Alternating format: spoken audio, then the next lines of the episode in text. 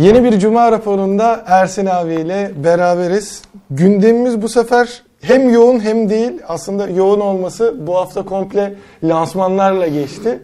Ama onları tek bir yerde topladım. Her bir cihaz için ayrı ayrı zaten ya videomuz ya canlı yayınımız var. Onun dışında da biraz kısır bir haftaydı gibi geliyor böyle haberler için. Yani insanlar işte şeye odaklanmışlardı. OnePlus'a odaklanmışlardı. Redmi Note'un Türkiye'deki fiyatlarına odaklanmışlardı. Realme'nin yeni telefonuna odaklanmışlardı. Geri kalan şeyler pek fazla kimsenin umurunda değildi. Sektör de öyle çok fazla bir şey şey yapamadı. Ee, ne derler? Araya sokuşturmadı zaten Evet, bu hafta. Mobil Dünya Kongresi'nin işte yani olmamasıyla diyebileceğimiz şekilde artık komple böyle haftalara yığıp e, farklı farklı Ama artık lansman gördük. dönemi bitiyor. Onu kabul etmek Tabii. lazım. Şimdi yani artık zaten e, Mart'ın sonuna geldik. Çok geç bile kaldı. Biz normalde teorik olarak bu zamanlarda ürünleri görmemiz lazım. Mesela hala görmediğimiz ürünler var. P50 hala da şey değil yani. İşte Realme yeni yaptı lansmanı filan. Oppo'da hani e, ne olacak ne bitecekler çok belli değil filan.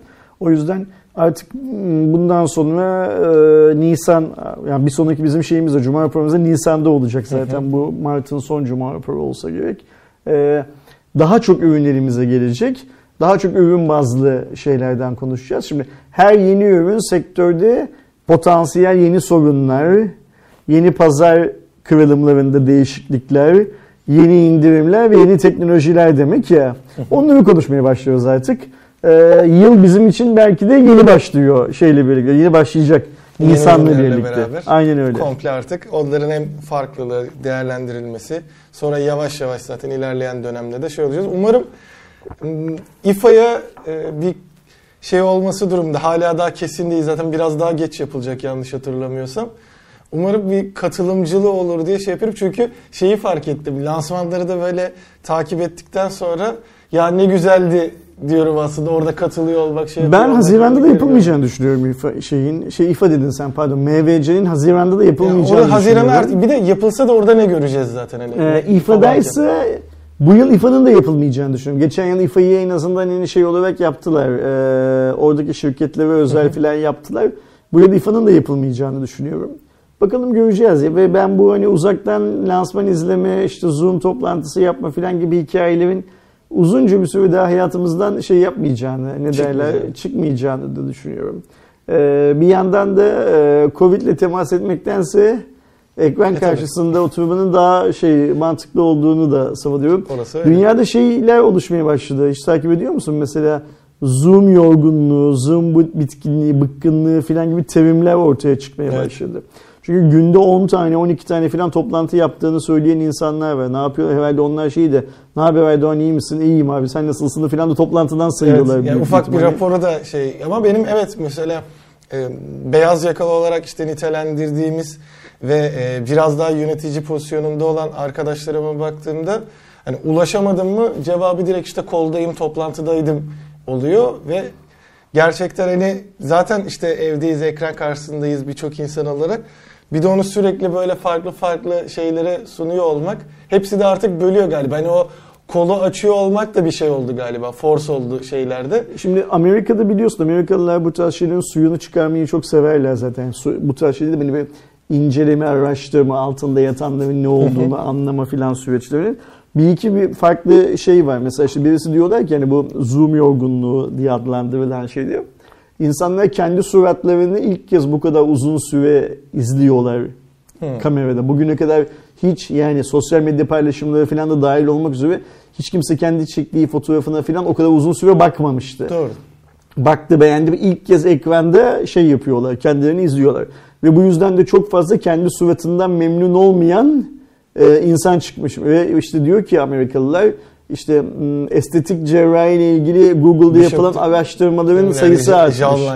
Şey olarak diyorlarsa. a- a- a- aynen öyle.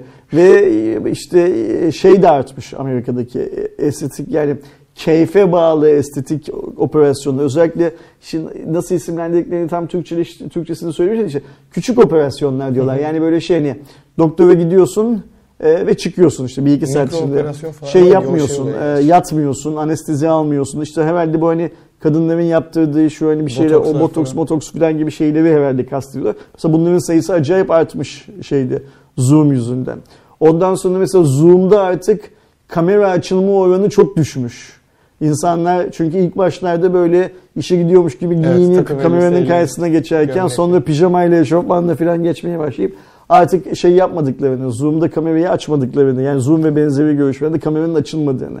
Bunun da böyle biraz artık hani koy verdim gidiyorum filan modunda. Ya şey versiyonları da var işte haftalık falan işte yönetici toplantılarını bütün ekibi topluyorsa mesela e, ekipte normal Zoom'a katılıp işte ses açıp e, kamera kapalı, mikrofon kapalı yattığı yerden hani o uykuyu da uzatıp dinlemeye çalışanlar da var. O okullarda çok var anladığım kadarıyla. Derslerde Yani de- falan de- da. şeyler çünkü e, mesela yine bazı ülkelerde bu uzaktan eğitimde kameranın açık olma, mikrofonun açık olma zorunluluğundan filan bahsediliyor sırf bu yüzden. Anladığım kadarıyla Türkiye'de de öğretmenler çok Bazı şikayetçiler e, kameranın açılmıyor olmasından filan. E, ama yani işte gö- bundan hayata böyle etkileri e, şey anlamında göreceğiz ne olduğunu. Ben şöyle düşünüyorum. E, senin o beyaz yakalı dediğin profesyonellerin e, ve bizim de hatta göreceli olarak hayatımızda olmadığı kadar boş zamanımız var şu anda. Ee, bir şeyler öğrenmek için çok iyi zamanlar bunlar. Yani bak mesela bir dünyada işte bu kripto para hikayelerinde bir yeni değişiklik oluyor. Ee, NFT diye bir şey girdi hayatımıza daha bir Onunla kri- kri- kripto paranın ne olduğunu anlayamadan NFT'nin ne olduğunu anlamaya çalışıyoruz filan. Bunları okuyup araştırıp öğrenmek için çok iyi fırsatlar bunlar.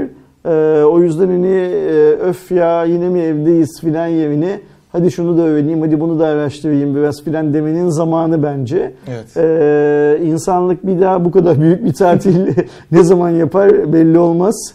Ama şey fırsat iyi bir de öğrenmenin Evet. yaşı yok imkanı olan şey yapsın. Yani sadece e, blockchain teknolojisi değil mi? Ne Tabii. merak ediyorlarsa onu öğrenmeyi. Hani Bu son pandemi dönemde ilk başında zaten- herkes ekmek yapmayı öğrendi ya yani. Evet. Ekmek yapmak işte şey. puzzle'lar, legolar falan. Ekmek yapmak zaten insan ırkının binlerce yıl önceden e, bildiği bir şeydi. Onu tekrar yeniden öğrenmek o kadar da matah bir şey değil.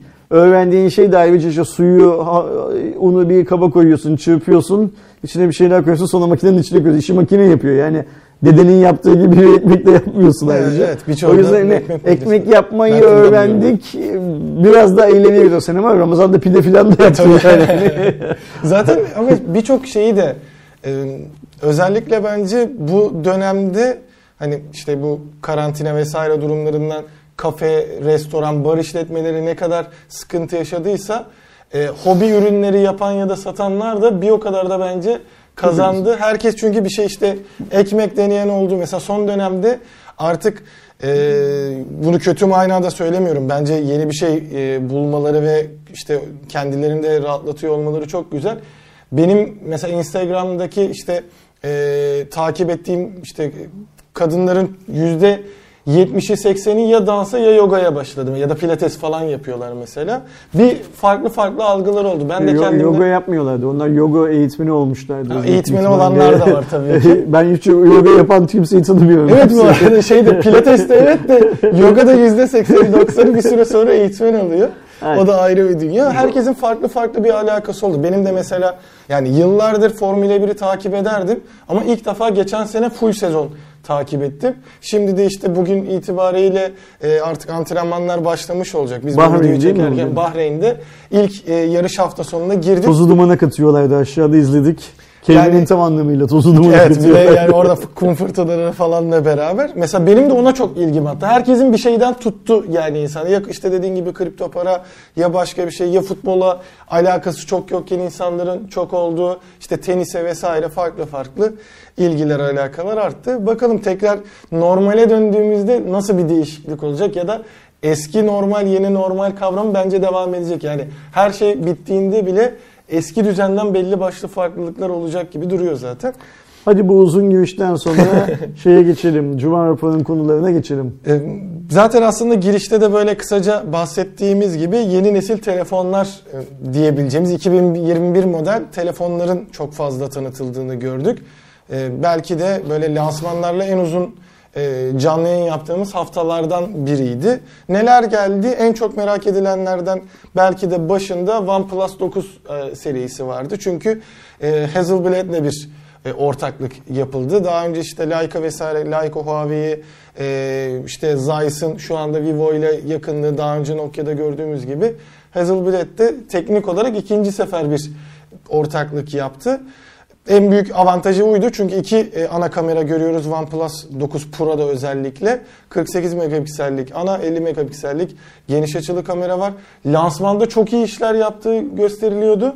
Ama ilk çıkan o ilk gönderdikleri incelemelerde şu anda daha yolun başında olduğu hani büyük bir farklılığın e, olmadığı e, ortaya çıkmış. Çünkü zaten 150 milyon dolarlık bir e, yatırım yapıyor OnePlus Hasselblad ortaklığı için. İlk aşamada Sony lensler alıp yazılımsal ve bir iki donanımsal ama asıl amaçlarının ilerleyen dönemlerde donanımsal olarak da bunu kazandırmak olduğunu gördük. Bir diğer yandan Vivo kanadında X60, X60 Pro ve Pro Plus geldi. Orada da e, bu gimbal sensörün tam manasıyla kullanıldığını gördük. Yani telefonu elinizde salladığınızda bile orada bir e, gimbal varmış gibi kamera kendini düzeltmeye çalışıyor. Realme 8, 8 Pro ailesi de geldi. İyi yanları da var. Yani 108 megapiksellik kamera kullanıp sensör içi yakınlaştırma diye bir teknolojiyi kullanıyor olmaları güzel. Ama e, Huawei için Kirin 710 neyse şey içinde Snapdragon 720 oldu gibi hala aynısını kullanıyorlar. E, Xiaomi kanadında Poco F3 ile Poco X3 Pro'yu gördük. Özellikle fiyat konusunda geçen seneden uyguna yani geçen seneki çıkan Poco F2 Pro'ya ya da e, dolar bazında diyelim. Dolar bazında tabii ki. Yani çünkü, çünkü Türkiye'de zaten o eşit sayılmayacak. E, uygun fiyata çıkıp yenilemiş olmaları da büyük etki e, uyandırdı. Böyle böyle çok fazla cihaz gördük. Şimdi ölü bir yıl bu yıl. Herkes için ölü bir yıl. Yani e, satışlarda tabii ki bir azalma olması beklenmiyor. Sakın arkadaşlarımız onu ima ettiğimi düşünmesinler. Ama teknolojik anlamda zor bir yıl. Bir kere işte e, yarı iletken e, sorunları var zaten. Tedaviğinde bir sorun var. Sadece Türkiye şeyin değil, cep telefonunun değil, bütün sektörlerde e, bu sorun yaşanıyor. İkincisi e, insanlar, insanlar dediğim şirketler bu tarz dönemlerde yatırımlarını biraz olsun azaltmayı tercih ediyorlar. Çünkü e, bu Covid-19 denilen nanenin ne kadar daha hayatımızın bir parçası olarak kalacağını görmüyorlar, bilmiyorlar. Zaten harcamalarda ağırlıklı olarak sağlık sektörüne kaymış durumda. Daha fazla vitamin hapı, daha fazla işte hastalığı engellediği varsayılan dezenfektandan şeye kadar, antibiyotiklere kadar birçok şey daha çok satılıyor dünyada falan. O yüzden biraz şey bir yıl bu yıl böyle ne derler durağan bir yıl. Ama yine de e, mesela işte bu Hazel-Blatt anlaşması beni heyecanlandırıyor. Ne çıkacağını şey yapalım, görelim diye.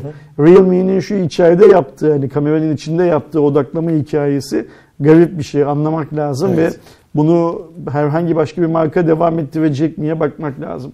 Ee, şeyin senin de söylediğin gibi Xiaomi'nin Poco tarafında açıkladığı fiyatlar hani bundan bir yıl önce söylense inanmayacağımız evet. fiyatlar. O kadar ucuz fiyatlar açıkladı Kesinlikle. dolar bazında. Nasıl yapıyorlar? Meçhul gerçekten. Çok güzel fiyatlar. Ee, ben şeyi görmek istiyorum.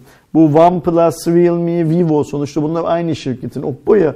Bu adamlar kamera konusunda böyle birbirinden farklı açılımlar yapıyorlar şu anda. Oppo'da Ve işte mikroskop kamera falan. Öyle ya da böyle bu açılımların işe yarayacak olanlarının bir potada evrilmesi gerekiyor. Evet. Şirket kültürü nedeniyle. Herkes bir ARGE çalışmasını üzerine alıp Aynen tutanlarla öyle. büyük ihtimalle Aynen bir şey çıkar. Yani önümüzdeki yıl bunların sonucunu ne olarak göreceğimizi falan şimdiden merak ediyorum. Şimdiden merak ettiğim noktalardan birisi de Realme 8 ailesi gerçekten e, elimize aldığımız zaman beğeneceğimiz mi? Ben de Yoksa çok merak ediyorum. E, ya ne gerek vardı diyeceğimiz bir seviye mi olacak? Çok merak ediyorum. Çünkü zaten şu an baktığımızda işte OnePlus 9 ailesi hani Türkiye'ye gelme noktasında daha resmi bir giriş yapmadığı için resmi girişi olmayacak. Vivo X60 ailesinin gelmeyeceğini zaten e, markalara sorunda e, Selin Hanım da söylemişti. söylemişti. İlk şeyle Y serisiyle Y serisi V serisi gibi serilerle bir Haziran'a doğru e, giriş yapılacağı söylenmişti. Bizi burada zaten en çok ilgilendiren Realme 8 ve Poco ailesi. E, Poco F3 ve e, X3 Pro'nun zaten Türkiye'ye resmi geleceğini lansmanda orada yine N11'i görmemizle e, öğrenmiş olduk. Sadece fiyatların nasıl yansıyacağı burada çok önemli bir etmen olacak. Realme 8'de zaten hani Realme özellikle 6'dan e, itibaren bu seriyi getirmeye devam ediyor. Eminim bu modeller de gelecektir. Benim merak ettiğim noktalardan biri hem o teknolojiyi kullanmak e, nasıl bir hissiyat olacak. Bir de hani lansmanda da söyledim. Şu anda örnek veriyorum Realme 7 Pro alacak biri almış biri ya Realme 8 Pro çıktı kaçırdım demez gibi de geliyor. İşte dedim ya elimize aldığımız zaman ne hissedeceğiz? Orada onu, işte onu... çok çok merak ediyorum çünkü kağıt üzerinde yani kamera gelişimi dışında bir şey yok gibi. Yani tasarımda da tabii ki güzelleşme, incelme, hafifleme var ama umarım mesela o kocaman yazdıkları Dare to Leap'in yazmayan versiyonları da olur ve Türkiye'de bunları da görürüz. Ee, özellikle işte Çinli markaların Poco'da da öyle zaten o. Bu olayı niye bu kadar üstelediklerini çok merak ediyorum. Çünkü şey olabilir tabi. Bunların asıl e, odağı her ne kadar globalde satışa çıkıyor olsalar da Hindistan pazarı. Belki Hindistan'daki gençlerin o tarz böyle e, şaşalı şeylere bir ilgisi vardır. Instagram'da şöyle bir şey var ya işte BMW anahtarıyla sigara bilmem ne filan. Cüzdan. Ya işte ya da işte şeyler galiba nargile ne diyorlar o marpuç. marpuçuyla bilmem ne Hani şu saçma sapan işte ayağın bileğin göründüğü şeyler filan. Onun bir farklı versiyonu olarak Hindistan'da da öyle herhalde. Hindistan'da değil. Şimdi şöyle bir şey var. Hype'ı yaratabilirsen dünyada herkes uyar buna. Evet. Yani K-pop dediğin şey böyle bir şey. İşte rap böyle bir şey, bitcoin böyle bir şey falan aslında. Yani o hype'ın nereye gittiği, olumlu olumsuz bir yere gittiğinden bahsetmiyorum. Şimdi bu adamlar da böyle bir hype yaratmaya çalışıyorlar ve iki markada diyor ki yani Poco'da, Realme'de diyor ki biz genciz diyor. O diyor ki ben gencim, o diyor ki ben daha gencim falan. Bu şeye kadar gider, portakaldaki vitamine kadar gider yani, yani gençlik gibi bir şey, şey anlamında. Bir şeyler yapmaya çalışıyorlar. Şimdi geçen hafta yaşadıklarımızı burada kapatalım. Önümüzdeki hafta pazartesi gününden beraber hayatımıza girecek olan bir başka lansman var. O lansmana devam edelim. Devam edelim. Sıradaki haberimizde zaten aslında Poco'dan vesaire bahsettik ama bir diğer yandan Xiaomi Kanada'da hala lansmanlarına devam ediyor. Pazartesi günü. Durmuyor. Evet hala. Yani şimdi bizim açımızdan dünyada bir Çin lansmanı, bir global lansman, bir Türkiye lansmanı olduğunu varsayarsak sürekli bir şeylerin evet. lansmanına maruz kalıyoruz. Bu da zaten büyük ihtimalle Çin'e özel olarak yapılacak. Bir de bunun ileride globalini de görürüz. Şeyi de söyleyelim bu arada lansmana gelmişken dün yaptıkları Redmi Note 10 Türkiye lansmanında onlardan kaynaklanan bazı sorunlar oldu. Hı hı. Ee, nasıl böyle bir sorun yaşadıkları muamma tabii ki. Yani yaşamamaları lazım böyle evet. bir sorun. Teorik e, internetten kaynaklı Sonuçta şöyle bir şey var. Sistemde. Zaten canlı sunmuyorlar diye varsayıyoruz. O sahneye çıkan herkes Redmi Note 10 için 4 kişi çıktı galiba. Tek tek çıkıyor, kaydediliyor, sonra montajlanıyor. Evet, zaten tek şeyler bir, vardı böyle croplar Tek bir video olarak sonra işte Türkiye'de duyurdukları saatte yayına alıyorlar aslında.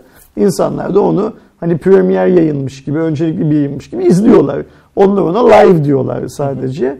Ee, tabii iş bu kadar basit değil yani YouTube'un onu live olarak algılaması için muhtemelen başka bir makineden stream ediyorlar evet. bilmem ne filan. Yani videoyu koyup. Aynı öyle stream ediyorlar filan. Ama ne olursa olsun işte bu işi yapan adamın yani bu işi yapan ajans her kimse böyle bir hata yapmaması lazım. Ee, video bazı yerlerde durdu. Atladı. Ba- bazı yerlerde atladı. Bazı yerlerde böyle yaydı kendisini. Hani yavaşladı filan. E, kötü bir deneyimdi tabii ki. O yüzden e, Xiaomi Türkiye'deki arkadaşlar da şu Hindistan'da filan bu işi yapanlara bir sorsunlar bu işi nasıl yapmak lazım diye. Ya da gelsinler zaten mesela dün baktım bizim kanaldaki onların lansmanının bizim kanaldaki izlenme oranı onlardaki izlenme oranından daha fazlaydı. Niye? insanlar çünkü büyük bir ihtimalle yorum da duymak istiyorlar filan. Ya da doğrudan gelsinler bundan sonra lansmanları bizim kanalda yapsınlar bence. Yani otursunlar şuraya. Bu, bu, bu, bu, burada yapsınlar lansmanda. Böyle boşu yani boşuna... çok büyük de bir olay değil. Hani Biz onlara şey garantisi veririz. Sıfır hata garantisi veririz. Çünkü şöyle de bir durum var. Hani gerçekten o sırada live olsa tamam bunlar yaşanabilir. Yani teknik aksaklıktır vesaire. Ama sen zaten sadece bir videoyu stream ederken yani çok büyük ihtimalle sorunun hani internetle alakalı olduğunu düşünüyorum. Çünkü sadece videoyu koyup işte OBS'den e, stream etmenin şeylere de e, cihaza da yük yok ki büyük ihtimalle orada iyi bir cihazda büyük da Büyük bir ihtimalle bu işi kim yaptıysa onun internetinden yani onun evindeki ya da ofisindeki internetten kaynaklı bir sorun yüzünden oldu. Tabii ki şimdi o Xiaomi Türkiye'yi işte YouTube sunucularında bilmem ne sorunu oluştu, şöyle oldu, böyle oldu falan diye süslü cümlelerle şey yapılmıştır. satılmıştır sorun. Ama öyle değil tabii ki. Yani hani onun öyle olduğunu anlamak için iki, iki tane YouTube yayını yap bugüne kadar. Onun öyle olmadığını anlarsınız Anlıyoruz. zaten. Herkes de anlamıştır. Ee, benim teklifim baki. Buyursunlar gelsinler. Zaten Xiaomi Türkiye'nin YouTube kanalındaki izleme sayısından daha fazla bir izlemeye ulaşıyoruz burada. Zaten Türkiye'de e, Xiaomi'yi de bilen insanların büyük bir çoğunluğu Hardware Plus ve Hardware Plus'ın yaptığı yayınlar sayesinde bildiler, güvendiler, öğrendiler. E, hala Hardware Plus'ın bizim torbacıyla, kaçakçıyla, çantacıyla bilmem neyle işimiz yok gibi bir şeyi var. Yani Xiaomi Türkiye bile etik olarak bu sisteme bu kadar sahip çıkamıyor büyük bir ihtimalle. Ya da bu sistemin karşısında o kadar dik duramıyor. Ama biz işte çantacının, torbacının, kaçakçının karşısında durabiliyoruz. Nasıl duruyoruz? Millet Redmi Note 10 Pro bilmem ne filan kutu açılışı yapıyor. Ben bunu kaçakçı Ahmet'ten aldım, torbacı Mehmet'ten aldım filan diye yayın yapıyor. Biz cihaz Türkiye'de satışa çıkıncaya kadar rekabette geri kalmayı göze alarak bu tarz toplara girmiyoruz zaten. O yüzden yani hani kasmasınlar kendilerini. Boşu boşuna bu işi beceremeyen adamlara şey çuval dolusu paralar vermesinler. Çok ciddiyim burada. İşin şeyini yapmıyorum, esprisini yapmıyorum yani. Gelsinler lansmanla ve HVP ile birlikte yapsınlar. Yani e, adamlar yurt dışında Android Authority ile birlikte yapıyorlar bilmem ne filan da o ayıp olmuyor. Xiaomi'nin Türkiye'de Xiaomi markasına bana soracak olursan en büyük yatırımı yapan yayınla böyle bir iş yapmasına da evet başka yayınlar bundan çok mutlu olmazlar ama kimsenin de gıkının çıkmıyor olması lazım. Yani. Onu söyleyelim ve pazartesi günü yine bir yenisini göreceğimiz, ondan sonra büyük bir ihtimalle globalini göreceğimiz Evet. ve ondan sonra Türkçe versiyonunu göreceğimiz bir başka lansmana bir öne daha geçelim. Pazartesi günü normalde ilk başta Mi 11, Mi 10, pardon Mi 11 Pro, Mi 11 Ultra lansmanı olacağı açıklandı. Sonra pazartesi günü Mi Mix lansmanı olacağı açıklandı. Mi Band 5'in, Mi Band 6'nın da e, olacağı oldu. Bu sefer böyle genel toplamda orada dolu dolu bir lansman Şimdi göreceğiz. mix seviyesi Xiaomi'nin bir zamandır şey yaptığı ne derler adını anmadığı bir Evet, seviyeydi. sessizdi. Ve mix seviyesi aslında bakarsak Xiaomi'nin tasarım, özellik, futurizm filan anlamında, teknoloji anlamında hep en yukarıya oynadığı seviyesiydi. Benim de Xiaomi markasıyla ilk tanışmamı sağlayan e, seviydi mix seviyesi. Bir süredir işte bu orta segmenti yani düz dünyacılara daha çok hitap ederlerse e, oradan daha çok kazançlı olacak. Sadece Türkiye değil dünyanın her yerinde e, hitap ederlerse daha çok kazanacaklarını gördükleri için mix seviyesini göz ardı etmişlerdi. Şimdi mix geriye dönüyor. Pazartesi günü Bu onu şey tam yapıyoruz. olarak hani en son e, Alfa'yı görmüştük. O konseptti sadece. Alfa zaten yalan çıktı. Yani Evet, şöyle yalan şey çıktı. olmadı. Türkiye'ye getirdik bir tanesini çaldırdık falan. Bunlar güzel hikayelerdi. Yiyen de yedi onu. Ama mesela ne dediler Alfa için? Biz onu prototip olarak şimdi ürettik. 2020'nin Şubat ayında da Çin'de üretime başlayacağız filan değil mi? Sonra tam o sırada Xiaomi yeni genel merkezine taşındı Pekin'de. O genel merkezin içindeki Mi Store'da cihazın satılacağı söylendi. Nitekim aynen Türkiye'de tek tek o dükkandan dükkana dolaştırılan kutu içinde olduğu gibi o Pekin'deki dükkanda da sergilendi şey Alfa. Sonra bir anda işte o arada Xiaomi CEO'su gaza geldi. Katlanabilir böyle telefonlarla videolar falan paylaştı. Yani dünyada sanki teknolojinin liderliğini Xiaomi yapıyormuş. Sanki Xiaomi'nin bugüne kadar bir tane ARGE çalışması varmış, e, lisanslanmış, tescillenmiş gelişimi varmış bilmem ne falan. Yani al satçı değilmiş de bir anda bu katlanabilir hikaye falan yapıcıymış gibi bir rol üstlenmeyi gördüler. Sonra ulan bu katlanabilir bir yere gitmiyor. Biz özümüze dönelim. Yani dünya, zaten dünya düzdür diyen adamların bunları alacak parası yok. Filana çekip unuttular. Şimdi tekrar Mi Mix'le e, geriye geliyorlar. Evet. Ve hep 11. Değil mi? Ee, evet. Yani rakamsal anlamda da böyle bir büyümemiz söz konusu. 11'e gidiyoruz. Ya şey olacak. e, orada tam dediğin gibi hani Huawei kanadında bu sefer şey gerçekten hani e, ilk işte gönderdikleri e, yayıncılar ya da işte gazeteciler de yurt dışındakiler e, Mate'i sevdi. Mate X diyeyim hatta. E, Mate X2'yi sevdi. Hua, şey Xiaomi de ya biz burada iyice geriye kalıyoruz. Adamlar yaptı, denedi bir de düzeltmeye başladılar derken Mi Mix'i bu sefer katlanabilir formda göreceğiz. E, tabii o işte e, Sion'un bize ilk paylaştığı videodaki gibi mi olacak, nasıl olacak ya da işte Mate. Katlanabilir olarak göreceğimize eminsin değil mi? Şu, şu an öyle görünüyor. Yani en azından e, sızıntılar, söylentiler yine ilk başta Xiaomi'nin en popüler sızıntısı da fabrikadaki şeylerdendir. Böyle Hı hı. banttan çıkan tam demonte halindekidir. Orada da öyle göründü. Ama Yani pazartesi Arifa hikayesi tutmadı. Biz bari Mix'i katlanabilirlik kazandırdım. Mix'i de şöyle bir sürelim piyasayı. Büyük bir ihtimalle yüksek bir fiyattan süre- sürecekler zaten.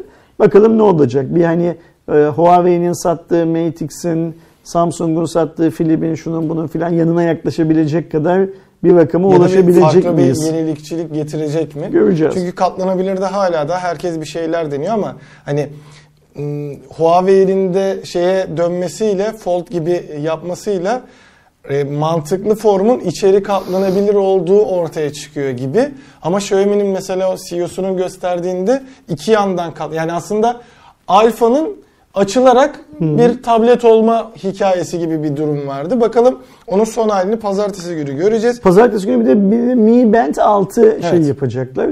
Ben biliyorsun Band seviyesiyle fedalaşalı çok oldu. Yani hani zaten Mi Band 5'i de niye almam bilmem ne falan diye çok anlattım şeyde. Mi Band 6'yı duyuracaklar. O özellikle bizimki yani bizim coğrafyanın en çok merak ettiği Xiaomi'nin de zaten büyük bir ihtimalle dünyada en çok sattığı şey odur büyük te- tek başına ürün Band'dir diye tahmin ediyorum. Ama burada şimdi şöyle bir şey var. Yani bunlar Mi Band 6'yı tanıtacaklar da e, Amazfit biliyorsun bugüne kadar dünyadaki sadece Mi Band değil e, bileklik olarak üretilen tüm cihazların aslında arkasındaki şirket bilgi birikimiyle ya da marka öyle söyleyeyim. E, Xiaomi ile olan anlaşmayı da durdurdular. Artık Xiaomi Amazfit seviyesi çıkarmayacak diye biliyorum ben. Ya da öyle anlıyorum diyelim. Şimdi Türkiye'de bugün satışa çıkan Aydoğan BİM'de 279 liraya satılan bir Amazfit bileklik var. Bu Amazfit bileklik e, Xiaomi'da Mi Band 6'nın lansmanını yapmadan önce Türkiye'de bile satışa çıkmış bir ürün. Yani dünyada ne kadar önce satışa çıktığını anlasın arkadaşlar diye söylüyorum. Ve Mi Band 6'nın birebir aynısı. Evet. Zaten Yani- beraber üretiyorlar. Her zaten yani hani Amazfit evet Xiaomi'den seviye olarak çekildi ama Xiaomi hala o kol saatlerinin, bileklerinin filan teknolojik altyapısını muhtemelen Huami dediğimiz Amazfit'in de sahibi olan e, markadan alıyor. Ve o marka Xiaomi'den çok önce davranıp Türkiye'de bile şeyi çıkarttı. Aslında Mi Band 6'yı çıkarttı Evet. bir şekilde. Ve e, Amazfit'in şöyle bir şeyi var ne derler e, söylemi var diyor ki bizim uygulamamız diyor aslında bunu böyle resmi olarak söylemiyor ama bunu dile getiriyor benim anladığım kadarıyla. Biz bu uygulamayı diyor Xiaomi kendi uygulamasını şey yapsın adam etsin diye biraz geliştirsin falan diye Xiaomi'ye çok telkinde bulunduk. Ama onlar diyor bunu şey yapmadılar. Çok ciddiye almadılar, yapmadılar. Biz en sonunda kendi uygulamamızı geliştirdik Depep. diyor. Depep diye bir uygulama. Hatta Depep markasını da e, Amerika'da tescillediler geçen hafta. Artık e, ana şirket Huami Amerika'da Depep şirketi Hmm. olarak şey yapacak ne derler isimlendirilecek. Şimdi burada şöyle bir şey var. Xiaomi lansmanı yapacak, ürünü satışa çıkartacak, Türkiye'de fiyat belli olacak filan filan derken bugün itibariyle 279 liraya BİM'lerde bu ürün satılmaya başlandı. Sabahta Şimdi, zaten videosu. Aynen öyle. Biz bunun Fiyat. videosunu da bu sabah yayına aldık. Sabah koşa koşa bir tane şey edindik ne derler e, cihaz edindik. Ve Allah'a şükür bir saat içinde falan her şeyini halledip e, yayına aldık. Şimdi burada şöyle bir şey var. Eğer arkadaşlarımız Amazfit'in cihazını Mi Band 5 ile kıyaslarlarsa fiyat olarak yanlış yapacaklar. Çünkü, Çünkü niye? Mi Band 6 ile Aynen öyle. Çünkü Amazfit Mi Band 5'in üstünde bir şey. Amazfit Mi Band 6 ile neredeyse aynı bir şey. Yani burada bak şimdi şöyle garip bir tufada kalıyor Xiaomi. Hem dünyada hem Türkiye'de Amazfit'in belirlediği fiyatla rekabet etmek zorunda kalacak. Evet. Bir de Mi Band'lerde şöyle bir şey var. Ben bunu sabah şeye de söyledim. Bizim evene de söyledim. Videoyu daha izleyemedim. Biz de çünkü bu video o saatlerde çıkıyoruz. Öbür video yayına alındığı zaman. Daha izleyemediğim için bilmiyorum da. Şey, Mi Band ile Türkiye'de bazı sorunlar var Erdoğan. Ne o sorunlar? Ee, kimin resmi, kimin kaçak ürün sattığını bilmiyorsun Mi Band olarak. Evet bir kontrol mekanizması Aynen öyle. tüketici Sonra alırken. Mi Band'lerin tamiri konusunda çok büyük sorunlar var Türkiye'de. Ve niyeyse hiç kimse Mi Band'i servise gönderen insanlar mutlu değiller. Üçüncüsü piyasada Mi Band'in sahteleri var. Ve Xiaomi'nin distribütörlerinden bir tanesiyle anlaşmayı sahte Mi Band sattığı için sonlandırdı. Xiaomi Türkiye'nin sahte Mi Band sattığı için bir distribütörüyle anlaşmayı sonlandırdığı konuşuluyor biliyorsun. Bu yeni bilgi değil yani geçen Mart'tan beri. Twitter'da yazılıyor, teknoloji yayınları bunu söylüyor, isim de veriyorlar şu distribütör bilmem ne filan diye. Yani Mi Band pazarı Türkiye'de mayınlı bir tarla haline gelmeye başladı. Evet. Sen mayınlara basmadan yolunda ilerleyebiliyorsun. Bazı insanlar da her adımlarında mayına basmak zorunda kalıyorlar. Nasıl mayına basıyor bu adamlar Erdoğan? Alırken sahte ürün alıyorlar. Sonra sahte ürünü iade edemiyorlar. Çünkü sahteyi satın adam hepsi burada da gitti gidiyordu falan. Hop bir anda kapatıyor o mağaza. Yani elindeki şöyle bir 2000-3000 tane sahte cihazı iteledikten sonra kapatıyor mağazayı. Basıyor gidiyor. Üçüncüsü sahteyi tamir ettiremiyorlar. Dördüncüsü lisanslı diye satın aldıkları ürünü Xiaomi teknik servise gönderiyorlar. Diyor ki senin ürünün lisanslı değil bilmem ne falan. Bir de ürün küçük olduğu için kaçakçılığı da çok kolay anladığım kadarıyla. Yani o yüzden çok fazla lisanslı ürün Yani var. şey de küçük yani e, da küçücük bir küçük şey. kutu şeydi. Bir de insanlarda şey oluyor. Şimdi e, çok küçük bir üründen bahsediyoruz. İşte fiyatı 200-300 TL dolaylarında. E, evet Ama hani hala daha anladım. birçok insan için ucuz olmasa da hani insan şeyi de bakıyor belli bir süre sonra. Ya 200 lira için de bu kadar şeyi çekmeyeyim hani. İşte orada uğraşacaktı, servise gönderecek, servis şey yapmayacak. Hepsi buradan ya da başka bir pazar yerinden aldıysa iletişime geçecek. Hani tamam diyor ne olursa olsun hani uğraşmak da istemiyor. Böylelikle daha çok kazandırmış oluyorlar aslında. Şimdi ben o yüzden e, Xiaomi'nin bu Mi Band 6 lansmanını global anlamda çok geciktirdiğini düşünüyorum. Evet. Yani Amazfit'in bu ürünü çıkarttığını Xiaomi bilmiyor muydu? Biliyordu zaten. Çünkü sonuçta teknolojiyi Amazfit'ten alıyor zaten Xiaomi'de. Amazfit'in çıkarttığı ürünün kendi çıkartacağı Mi Band 6 ile aynı olduğunu bilmiyor muydu? Onu da biliyordu. E niye bekledin abi bu kadar? Yani mesela şunu yapabilirse eyvallah o zaman mesela haftaya bunu da konuşuyoruz. Eğer pazartesi günü fiyat belli olursa. Şimdi Mi Band 279 liraya satılıyor ya. e, pardon Mi Band diyorum. Amazfit'in Band'i 279 liraya satılıyor bugün BİM'de. Evet. Mi Band 5 de sanırım 250 liraya, 254 liraya filan satılıyor. Yani Amazfit'ten çok az bir şey daha ucuz. Eğer Mi Band 6'yı Xiaomi 200 liradan satacaksa hani aynı cihaz daha sonradan gelecek. Yani Amazfit satıyor. Sen aynı cihazla daha sonradan geliyorsun daha ucuz satıyorsun. O zaman bu mantıklı.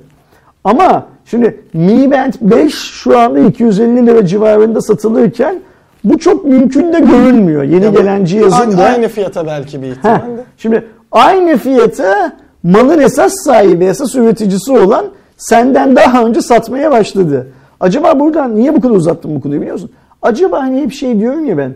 E, Xiaomi yavaş yavaş bu Mi Band işinden çekilmesi lazım. Çünkü Mi Band tamam çok satıyor da çok karlı bir ürün değil baktığımız zaman. Xiaomi E, insanları Xiaomi markasıyla buluşturdu. Hatırlıyorsan ben şey anlatmıştım işte New York'ta bir barda yanımda böyle koca içmekten şey olmuş suratının rengi değişmiş bir tane adam barda e, koluma vurup e, sanki izci kulübünün üyesiymişiz gibi benim kolumdaki Mi Band'i gösterip kendi kolundaki Mi Band'i gösterdi ve şerefe yaptı bana. Yani bir Amerikalı e, yıllar yıllar önce. Yani Mi Band'in böyle bir nosyonu da oldu. Dünyadaki birçok insanın Çin ürünleriyle tanışmasını, Çin ürünlerine güvenmesini, Xiaomi markasını bilmesini de sağladı.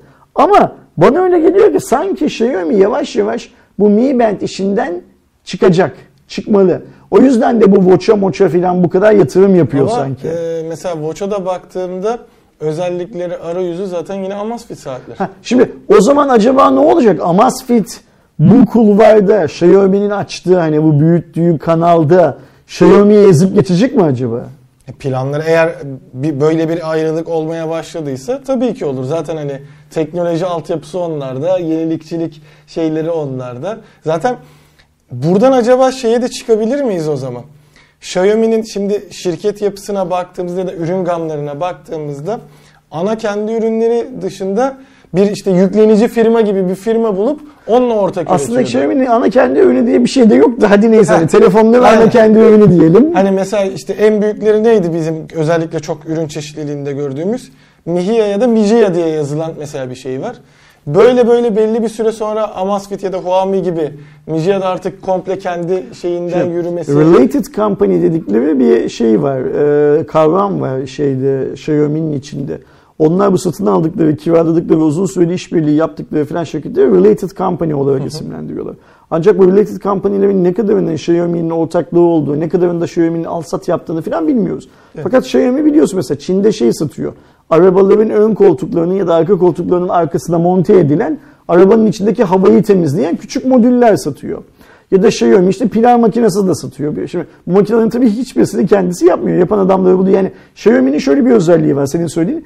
Bizim teknokent dediğimiz sanayi sitesi dediğimiz filan yerlerde Çin'de bir şeyler geliştiren arkadaşlara diyor ki gel diyor bunun üzerine Xiaomi markasını basalım sen üretmeye devam et. Dünyada zaten insanlar bana bayılıyor gazlayalım diyor. Öyle. Ve yapıyorlar da bunun nitekim. O bisikletler, işte scooterlar, şunlar bunlar falan hepsi öyle çıkan işler piyasaya. E şey de haklısın Mi Band de böyle çıkan bir şey. Ben şunu merak ediyorum. Şimdi bu işi bu kadar uzatmamın iki nedeni var. Şimdi birincisi Xiaomi acaba buradan çekilecek mi? Çekiliyor mu? İkincisi de Xiaomi Amazfit'e sence gol atar mı? Yani şöyle bir gol atar mı? Bizim bu bugün İstanbul'da Türkiye'de satılmaya başlayan Amazfit Band'de olmayan bir özelliği Mi Band 6'da görme ihtimalimiz sence olur mu?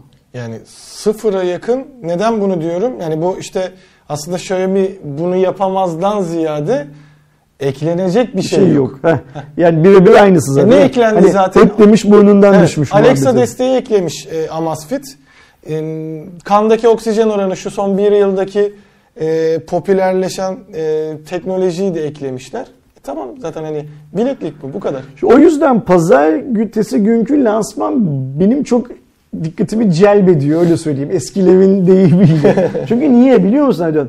Mi Mix geliyor yeni. Mi Mix 4 katlanacak.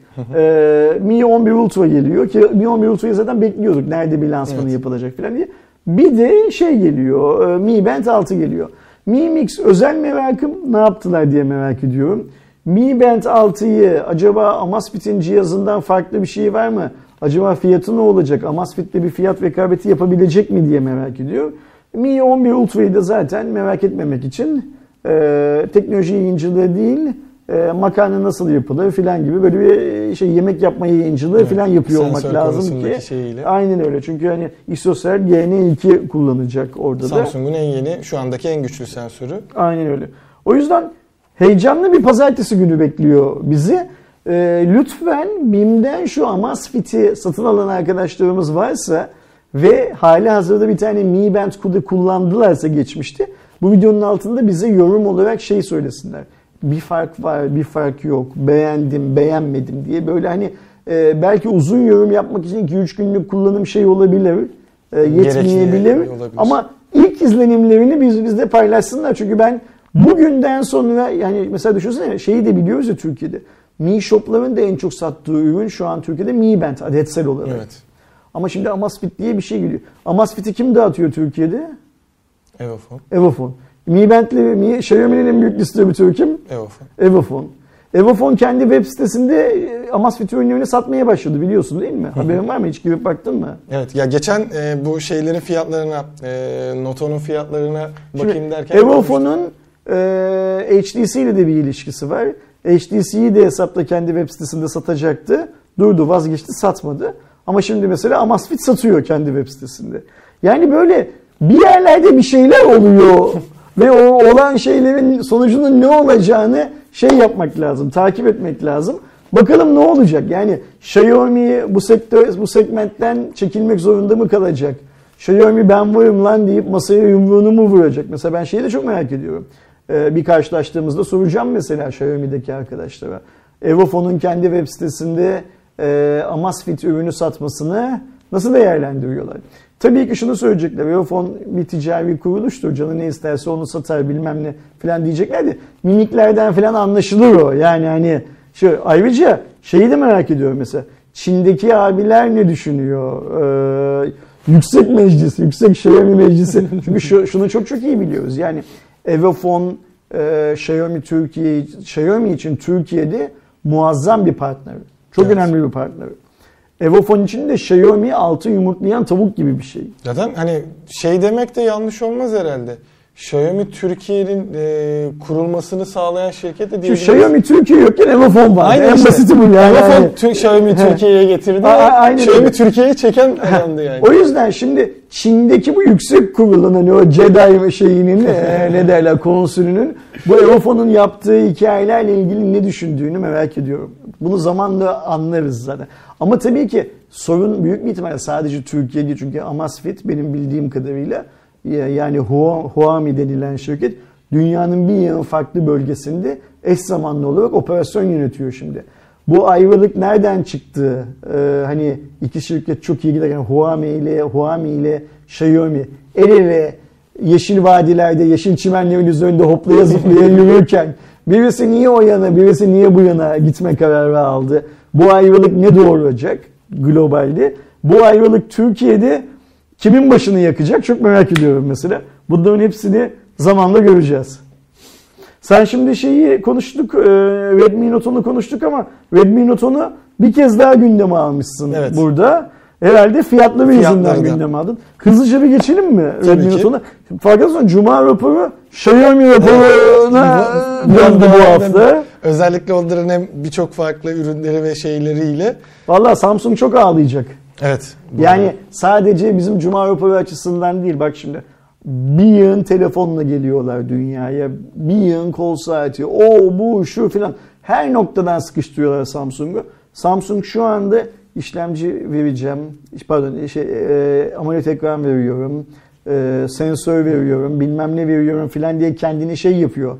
Avutuyor da e, bu işin sonu iyi olmayacak Samsung için öyle görünüyor. Yani umarım sonunda şey olarak görmeyiz gerçekten böyle ya biz aslında şu e, parça temini yaparak daha iyi kazanmaya başladık durumuna Xiaomi ona izin vermez. Xiaomi ona izin vermez. Çin hükümeti ona izin vermez. daha Gerçi o da. Ama bak şu olabilir. Samsung Mi 1 diye yeni bir seri başlayabilir. Devam etsene lütfen. Şeyi gibi aklıma diyeyse şu işte geçtiğimiz haftalar şimdi te- te- sinema dünyasında Zack Snyder şey geldi, e, Justice League geldi. Samsung Mi 1 diye neden olmasın. Samsung da yola baştan başlayabilir yani. Hadi bir geçelim. farklı bir şey görebiliriz. Noton'un hemen fiyatlarından bahsedelim. Ee, bütün seriyi getiriyorlar aslında. En azından Ama Türkiye. peyderpey getireceklerini Evet. açıkladılar. İlk aşamada Noton'la Noton Pro Türkiye'de satışa çıkmaya başladı bile dün yapılan lansmanla beraber. Fiyatı e, Noton'da 3000, 3200 ve 3400 e, TL olarak e, değerlendiriliyor. E, burada depolama kapasitesi artacak şekilde. Noton Pro'nun da 3800 ve 4000 TL'lik e, iki farklı modeli var. E, 5S'le ya daha doğrusu 5S demeyelim onu tabii ki 10S'le e, 10 5G versiyonu da gelecek. Sadece şu anda fiyatla tarih verilmedi. Ama tahminimce hani öyle Nisan ayı içerisinde gelir diye düşünüyorum. E, bunların da özelliklerine falan baktığımızda Redmi Note 10 3000-4000 bandını kapatıyor gibi de bir algı var. Ta ki F3 ve e, X3 Pro gelip onların da fiyatlandırması belli olana kadar fiyatlar konusunda çok şey var. Yani e, bizim sektörde de ayrım var, insanlarda da ayrım var. Bazıları diyor ki mesela Noton Pro pahalı, Noton güzel. Bazıları yo bence Noton Pro'nun fiyatı iyi ama Noton bence pahalı olmuş. Ayrıca gibi. şöyle bir şey var. X3 ile Note 10 Pro'yu kıyaslayan çok fazla insan var. Çünkü Baktığın 3000 lira, zaman 3000 da lira. haksız değiller Evet. kıyaslamakta. Ee, başka hikayeler de var. Mesela şimdi ben dün akşam bir canlı yayın yaptım. Evet, akşam. Orada chatte mesela e, çok fazla şey sorusu soruluyordu. Abi ben niye Note 8 Pro'mu bırakıp Mi Note 10 al- Redmi Note 10 alayım diye soran arkadaşlar. Şimdi bakıyorsun mesela. Hani Mi 8 Pro dediğimiz cihaz Note 10'un İkincisi. öncesinin öncesi. Öncesinin öncesi ne kullanan adam teorik olarak telefon yenileme zamanı gelmese de yaklaşan adam artık. Bunu unutmamak lazım. Yani o çocuklar Note 8 Pro'larını artık değiştirmeyi ufak ufak düşünüyorlar. Ama o düşünenlerden bazıları diyor ki abi ben bunu kullanıyorken niye Redmi Note 10 alayım filan. O yüzden fiyatların ne İsa'ya ne Musa'ya yaranma şansı yok. Çünkü niye yok? Yani şey çok açık işte şundan bir ay, bir buçuk ay önce filan e, ben Mi Note 10 e, re- Mi Note Mi 10T Pro bu fiyattan alınmaz videosu çektiğimde dolar 6.9 liraydı. Evet. Ve diyorduk ki o videoda açık açık. Ya 7.4'ten dolar 6.9'a düştü. Siz zaten e, Mi 10T Pro piyasaya süremiyordunuz. Yeni getirdiklerinizde pahalı getirdiniz. Hani bu nasıl bir kur ayarlaması? Ucuz gelmesi lazım ya. Bu para Mi Note 10 Pro'ya ve Mi 10T Pro'ya verileceğini Poco F2 Pro var. Onu alın 4999 lira dedim. Ben bunu dedim. Bir ay, bir buçuk ay sonra dolar 6.9'dan yani aşağı doğru 7.4'lerden 6.9'a kadar geldi. Beklenti daha da aşağıya gideceğiydi. Fakat şu an geldiğimiz noktada dolar 8 lira. Evet. Hatta 8'in de üstünde galiba Çıkıyor, değil mi? Çıkıyor, iniyor şu an. Şey olarak. E şimdi e, fiyatı neye göre ayarlayacaksın gibi bir dert var. Mesela farkındaysan ben sizin yaptığınız Redmi Note 10 canlı yayında da ben dedim fiyatı şey yapmıyorum. E, konuşmuyorum. Çünkü hangi kurdan çarpacağız? Ne yani hani bu topraktan yetişen bir şey değil. Çin'den parayla satın alıyorsun. Neyle satın alıyorsun? Dolar vererek satın E alıyorsun. sonuçta belli bir süre önce alındı. Evofon her bir getirdiği Noton için Çin'e bir para veriyor. Ne veriyor? Dolar veriyor işte. İş bu kadar basit. Ama o dolar ve Evofona kaç liradan mal oluyor? Bunu şu anda ölçebilmek mümkün değil. Ya da şöyle düşün. Evofon 10 bin tane Noton getirmiş olsun. İkinci 10 bin Noton'u kaç liradan getireceği meçhul. Dolar o zaman tekrar 6.9'a mı düşecek? Ona mı çıkacak? Hiçbir şey yok. O yüzden fiyatın şu şartlar altında İsa'ya, Musa'ya, kimseye yevenebilme ihtimali yok. O bir gerçek. Ee, ama cihazın özelliklerini konuştuğun zaman yani Redmi Note 10 özellik anlamında böyle alıp şöyle baş köşeye koyacağımız bir telefonda değil. Evet yani zaten hani Türkiye'deki lansmanda da globaldeki lansmanda da nasıl e, yapıldı lansman? Note 10 Pro anlatıldı, Note 10 Pro anlatıldı. İşte bir buçuk saat sürdüyse bir saat Note 10 Pro anlatıldı. Son yarım saat bir de bunun Note 10'u var. İşte Note 10S'i var.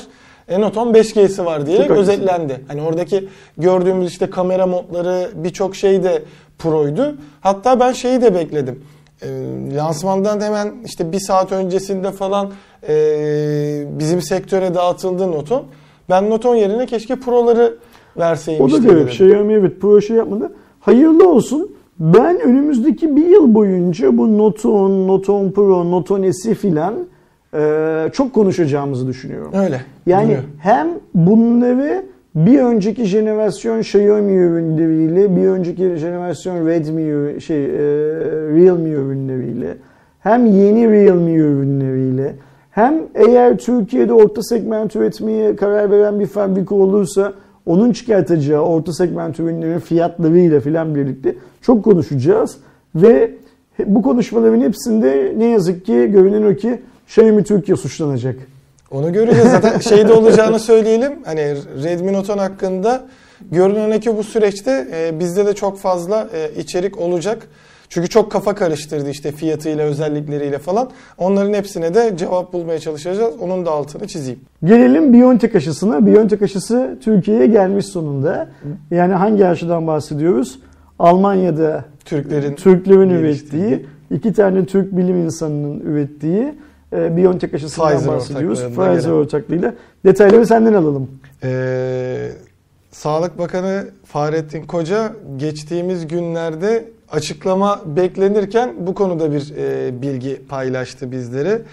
İki parti halinde iki günde biri 700 bin diğeri 750 bin e, adet olmak üzere e, Türk Hava Yolları'nın işte kargo seferiyle beraber Hı hı. buraya getirildi ve hemen 5800 tane e, dozluk aşının testi yapıldıktan sonra herhangi bir sıkıntı var mı diye uygulanmaya başlanacak. Hani biz yenileri geldiğinde şeyi de diyorduk acaba seçim muhabbeti olacak mı diye. Fahrettin Koca'nın açıklamasına göre böyle bir durum yok. Hani saklama koşulları uygun olan hastanelere, sağlık merkezlerine bu aşılar gönderilecek ve sırası gelen artık şansına e, bölgesinde saklama koşulları iyi değilse Çin, e, güzelse oradaki hastanede o varsa e, BioNTech aşısına olacak. Bir diğer yandan e, Rusya'daki geliştirilen hatta ilk geliştirilen koronavirüs aşısı olan Sputnik 5 ile de alakalı gelişmeleri paylaştı. Anlaşılan o ki ilerleyen dönemlerde o gelecek.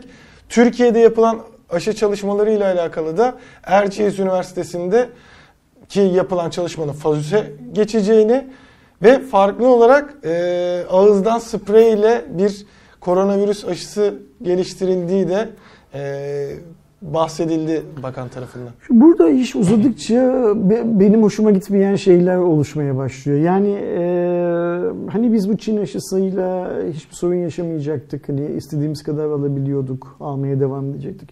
Çünkü gördüğümüz noktada o aşılamaya çok hızlı başladık ama o kadar hızlı devam edemiyoruz gibi bir şey çıkıyor ortaya. Yani hala da şeyde 60 yaşların altına inmedi. Yani hani o 100 milyonluk kişiyiz, 200 milyon doz aşıyı alıp alamayacağımızın etüdünün en başta bize bunun maliyetinin ne olacağını etüdünün en başta yapılması gerekiyordu.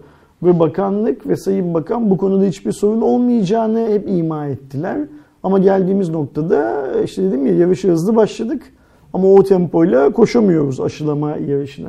Şimdi e, BioNTech bundan bir süre önce Türkiye'ye e, bir buçuk milyonluk bir aşı gönderildiğini açıkladı zaten. Yani BioNTech Almanya'da e, bir şirket olduğu için verileri herkese açık.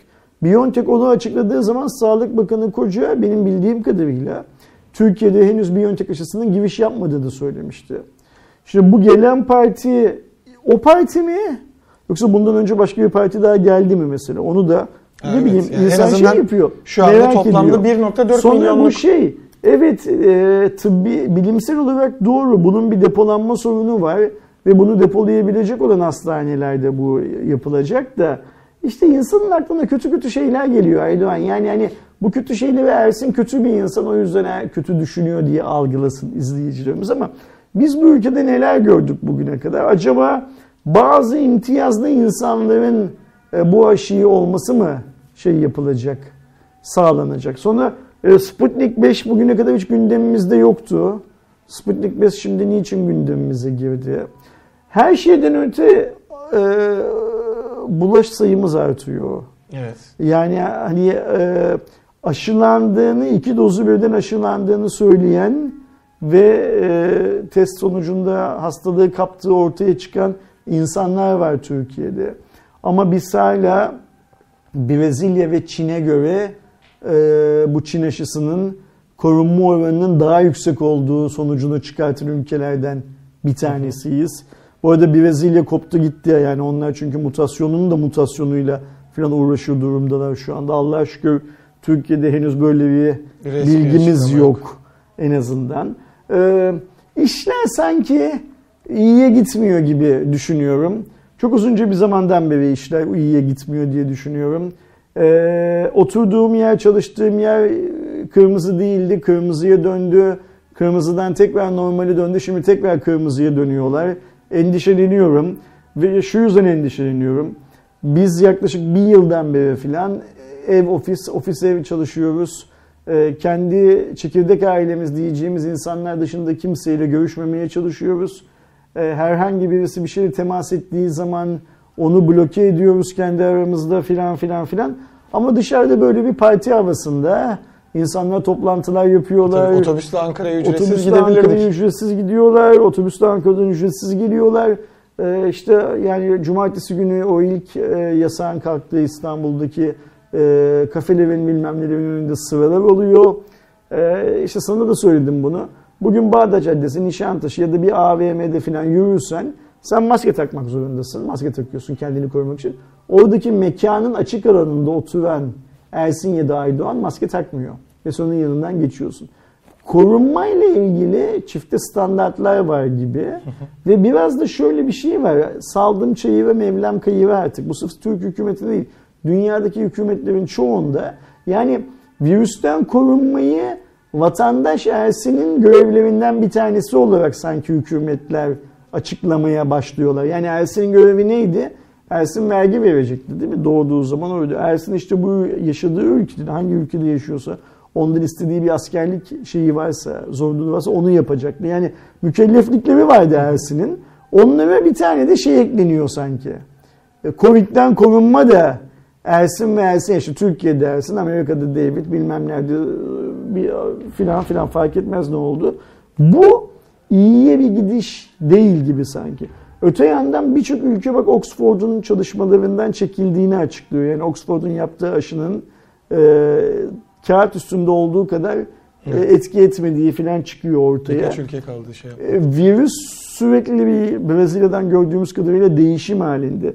virüsün değişimi iyi, değişe değişe o değişik formlarından birini etki edecek daha etkili bir ilaç bulacağız. Ee, virüsün değişim hızı kötü. Her şey e, yeni formasyon, yeni tehlikeler, bugüne kadar yaşamadığımız tehlikeler anlamına geliyor. Bu tehlike daha öldürücü olması gerekmiyor. Daha hızlı bulaşma filan filan da tehlikelerden bir tanesi. Hmm, Ne yapacağımız çok şey değil. Çıkış yolumuz çok belli değil ve belirsizlik her ortamda kötü. Yani bak belirsizlik ekonomide kötü olduğu zaman dolar işte biraz önce bahsettim 6-9'dan 8 bilmem kaç lira gidiyor. Senin benim hayatımızda da belirsizlik çok iyi değil. Ee, bir an önce o otoritelerin yani bu otorite sadece Sağlık Bakanı Sayın Fahrettin Koca değil otoritelerin hatta Türkiye üstü otoriteleri yani dünyadaki ülkelerin bir araya gelerek e, bununla ilgili bir şeyleri daha ciddi yapmaları gerekiyor. Tek başına e, mesela bazen şey haberleri görüyorum Twitter'da işte bilmem ne ilçe, ilinin bilmem ne ilçesinin bilmem ne köyünde muhtar girişi çıkışı yasaklamış çekmiş arabasını e, köyü bir başka köyle bağlayan köprünün ucuna o köyde Covid var buraya kimse gelmesin falan yok. Bu tarz olaylarla bu işi sadece geciktirebiliyoruz, çözemiyoruz. Ee, mesela Kıbrıs çok güzel bir şey yaptı. Geçen yıl bu zamanlar adayı kitledi adamlar. Zaten Yunan tarafından giriş çıkış yok. Türk tarafına ve dünyaya da açık. Bu sayede çok uzunca bir süre korunaklı kaldılar. Ama sonradan işte orada da vakalar görülmeye falan başladı. Yani işin doğrusu yok gibi. Evet. İşin yanlışları var çok fazla ve tüm dünya ülkeleri yanlışları tekrar etme konusunda çok şeyler hmm, ne derler ısrarcılar. Ee, bu arada da tüm dünyada her gün yeni yeni insancıklar ölüyor Evet. bu virüs Ya yüzünden. şöyle de bir durum var anlayamadığım şekilde. Örneğin e, kendi bireysel düşüncem olarak söylenirse ne olursa olsun baştan hani e, eleştirdiğim noktaları da olsa işte Sayın Bakan Fahrettin Koca'nın yaptığı adımları şey yapmasını e, destekliyordum. En azından işte veriler açıklanıyordu, uyarılar yapılıyordu, işte reklam filmleri hani bazıları saçma gelse de bir şeylerle dikkat edilmesi gerektiği vurgulanıyordu. İlk şeyi hatta ben de şöyle örnek vereyim. Twitter'da e, bildirimleri açıktı. Ne tweet atsa işte verimi açıklıyor, farklı bir uyarı mı yapıyor, bilelim Türkiye'deki gelişmeleri görelim diye. Bunu ben hani bir e, editör olarak değil vatandaş olarak takip ediyordum. Ne zaman bildirimleri kapattım, e, Sayın Koca'nın çıkıp e, gerçek verileri açıklamaya başladığında hastadan vakaya dönüşte. Ha biz şimdiye kadar bütün çünkü psikolojik olarak da sen kendini hazırlayıp dikkat etmen gerektiğinde e, bir anda sayı coştu. Daha önceki bizim zaten çekindiğimiz vaka olarak düşündüğümüz şeyin hasta vaka ayrımını gördük. Orada bir benim kendim e, vatandaş olarak güvenim sarsıldı. Ama sonuçta bir e, bu süreci en büyük e, yapı taşları olan sağlık çalışanlarının en başındaki kişi olduğu için de e, yine tabii ki takip etmeye ve en doğru bilgiyi en azından alabileceğimiz tek insan olduğu için e, takip etmeye devam ediyordum. E, hala da bilgiler vermeye devam ediyor ve en büyük uyarısı işte dikkatli olun işte e, hala hani mümkün mertebe dışarı çıkmayın ama e, bakan kimliğini yani Sağlık Bakanı kimliğini bir e, siyasi durum nedeniyle e, yok sayıp işte bu kongre ile alakalı en ufak bir şey denmemesi işte e, kamera hatası işte yandan yanal çekim olduğu için öyle göründü falan filan durumu gibi yine milleti oyalamaya çalışan bir durum olunca hani benzer bir şeyi e, herhangi bir partide başka bir yerde olsa yani şeyleri görüyorduk. Hani bakanın da açık açık eleştirdiği oluyordu. İşte bazı e, insanlar gidip işte bir yerde ev kiralıyordu. Kendilerince 5-10 kişi parti veriyordu ve bu ortaya çıktı. Hemen cezalar yağdırıyordu. Daha geçtiğimiz gün öyle bir yerde 60 bin lira mı ne ceza verilmiş. Bu yapılmalı. Çok doğru hareket. Ama söz konusu olay e, iktidar olan parti olunca bu dediğim gibi hani hiç fark etmez. Burada işin siyasi kısmına bakmıyorum. En baştaki e, yöneten adam ve onu seven, destekleyen insanların bu kadar bilinçsizce toplanıp işte maske takmayıp giderkenki otobüsteki görüntüleri de gördük. Yani e, bir şey değil de kongre değil de Covid-19 şölenine çevirirse çünkü işin en sıkıntılı tarafı Türkiye'nin merkezinde toplanıyorsun ve oradaki açılan atkılara baktığımızda Türkiye'nin her yerinden gittiler.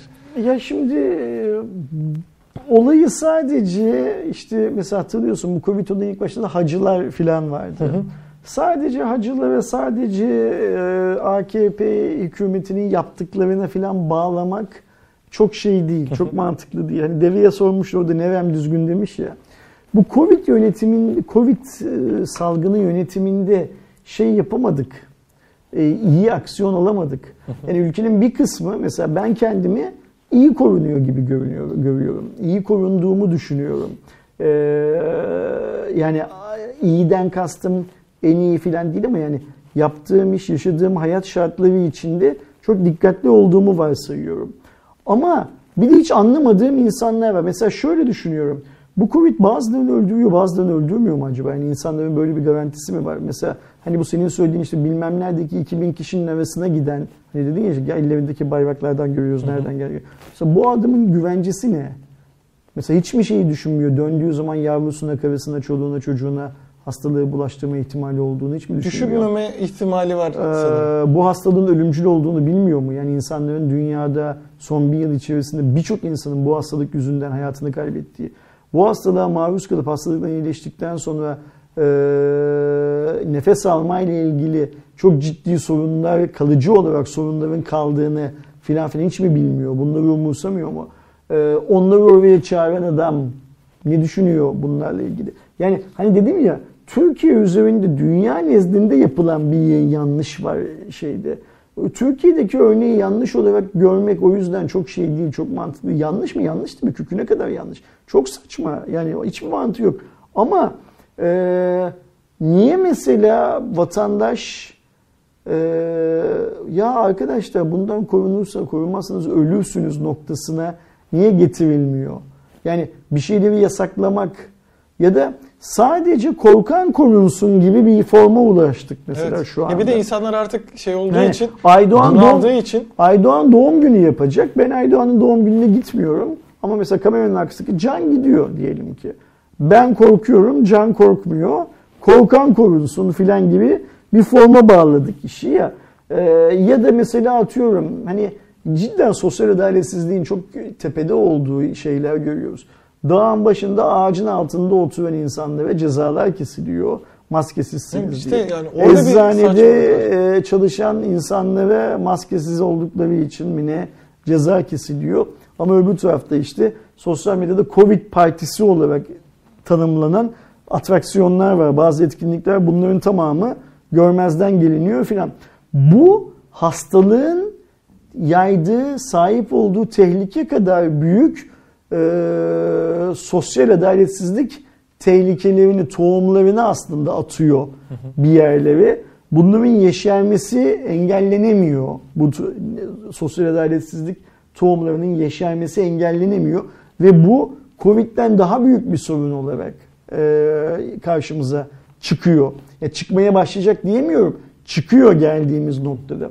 O yüzden yöneticiler yani yönetici olma vasfı, e, yaptım ettiğiyle falan yaptım olduğuyla falan işin içinden çıkılabilecek bir vasıf değil. Evet. Daha geniş düş. Mesela şimdi şöyle bir şey var. E, biz geçen yaz standart HVP pikniğini yapacaktık. O hafta Türkiye'de biraz e, yeni bulaştığın, Türkiye'de İstanbul'da yeni bulaştığın sayısı arttı. O pikniği yapmaktan vazgeçtik. Dedik ki ya ya gelen arkadaşlardan birisi bize bulaştırırsa ya, ya bizde to- sosyal e, toplu taşımayla gelecek olan birisi o gün oraya geldiği için yolda kaparsa ve biz bundan haberdar olursak bunu nasıl yaşayacağız? Dedik, bu gerçek. Yani düşünsene mesela Allah korusun bir arkadaşımız pikniğe gelirken otobüse binecekti. Otobüste korona olacaktı ve sonra belki vefat edecekti ve biz bunu bilecektik. Diyecektik ki biz bir piknik yaptık. Bu adam da geldi. Gelip gelmemek kendi şeyindeydi, inisiyatifindeydi. Gelmeyi seçti. Allah da rahmet eylesin deyip hayatımıza hiçbir şey olmamış gibi devam edeceğiz. Bu mümkün değildi bizim açımızdan ve bunu yapmadık. Bu yıl da yapmayız gerekirse, bir sonraki yıl da yapmayız gerekirse. Yani o piknik bir insan ömründen daha değerli filan değil. Şimdi bir piknik için böyle düşünmek başka bir şey koca binlerce insanın 81 ilden geldiği atraksiyonlar için bunu düşünmemek bir başka hikaye. Yani tek derdimiz Covid nedeniyle Covid değil ne yazık ki. Başka dertlerimiz de var. Evet aşılar gelsin tabii ki. Hepimizin o aşılara ihtiyacı var ama şu aşı hikayesinde bile hmm, bazı böyle sanki söylenmeyen noktalar var.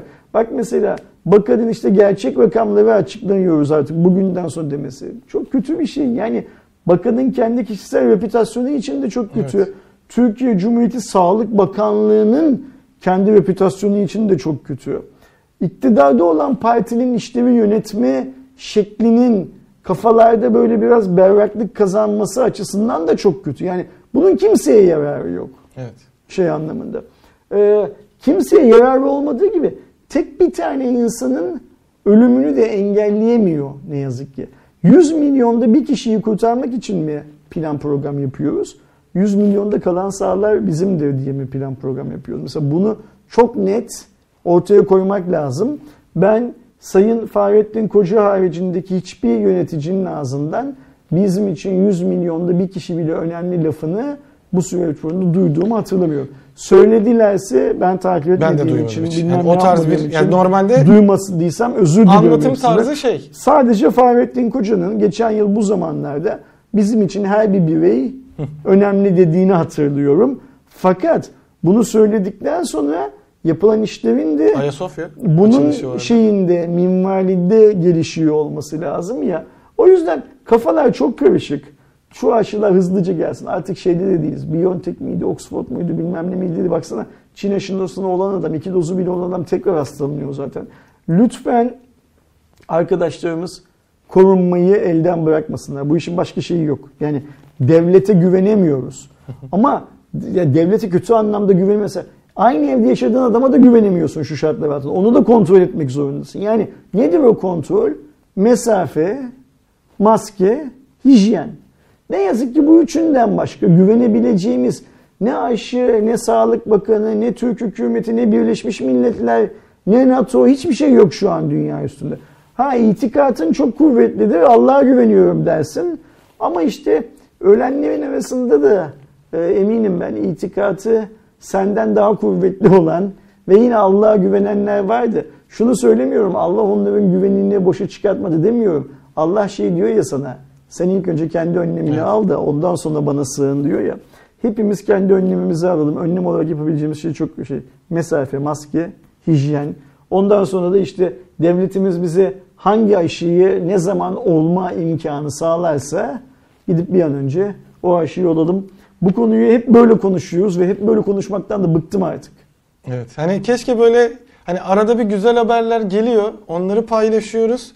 Ama ee, her güzel şeyin o çabuk son olduğu gibi bir şeyler hep şey yapıyor ve de insanların artık şeyi de kalmadı. Hani genel olarak da sabrı kalmadı çünkü işte zaten videonun başında da dedik hani insanlar evde olmaktan sıkıldı, Zoom'da sürekli Herkes toplantılara sıkıldı. girmekten sıkıntı. Sıkıldı. İşte hani bir senedir ciddi manada market dışında evden çıkmayan hatta gerçekten kapanan e, insanlar da var. Yani markete bile çıkmayıp tabii şey benim yapan, tanıdığım öyle insanlar var yani Çok mesela. ciddi şey yapan insanlar var ve sen burada hani ne zaman bitecek artık hani çünkü gerçekten psikolojik olarak ayrı bir şey.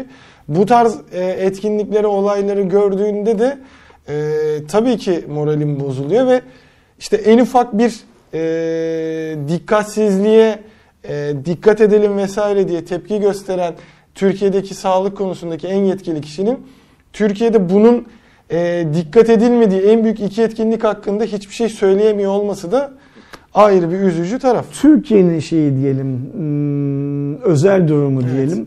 Ve Türkiye'nin özel durumu için mutlu bir haber var. O mutlu habere geçelim. Nedir ben en azından mutlu? ona fazlasıyla bir Formula bir hayranı Nedir olarak... o mutlu haber? Bitçi.com benim çok bildiğim bir ben platform duymuştum değil. ama bildiğim diye. Anladığım kadarıyla işte bu bültenden sonra kripto para borsası ya da kripto para, para alım satım merkezi.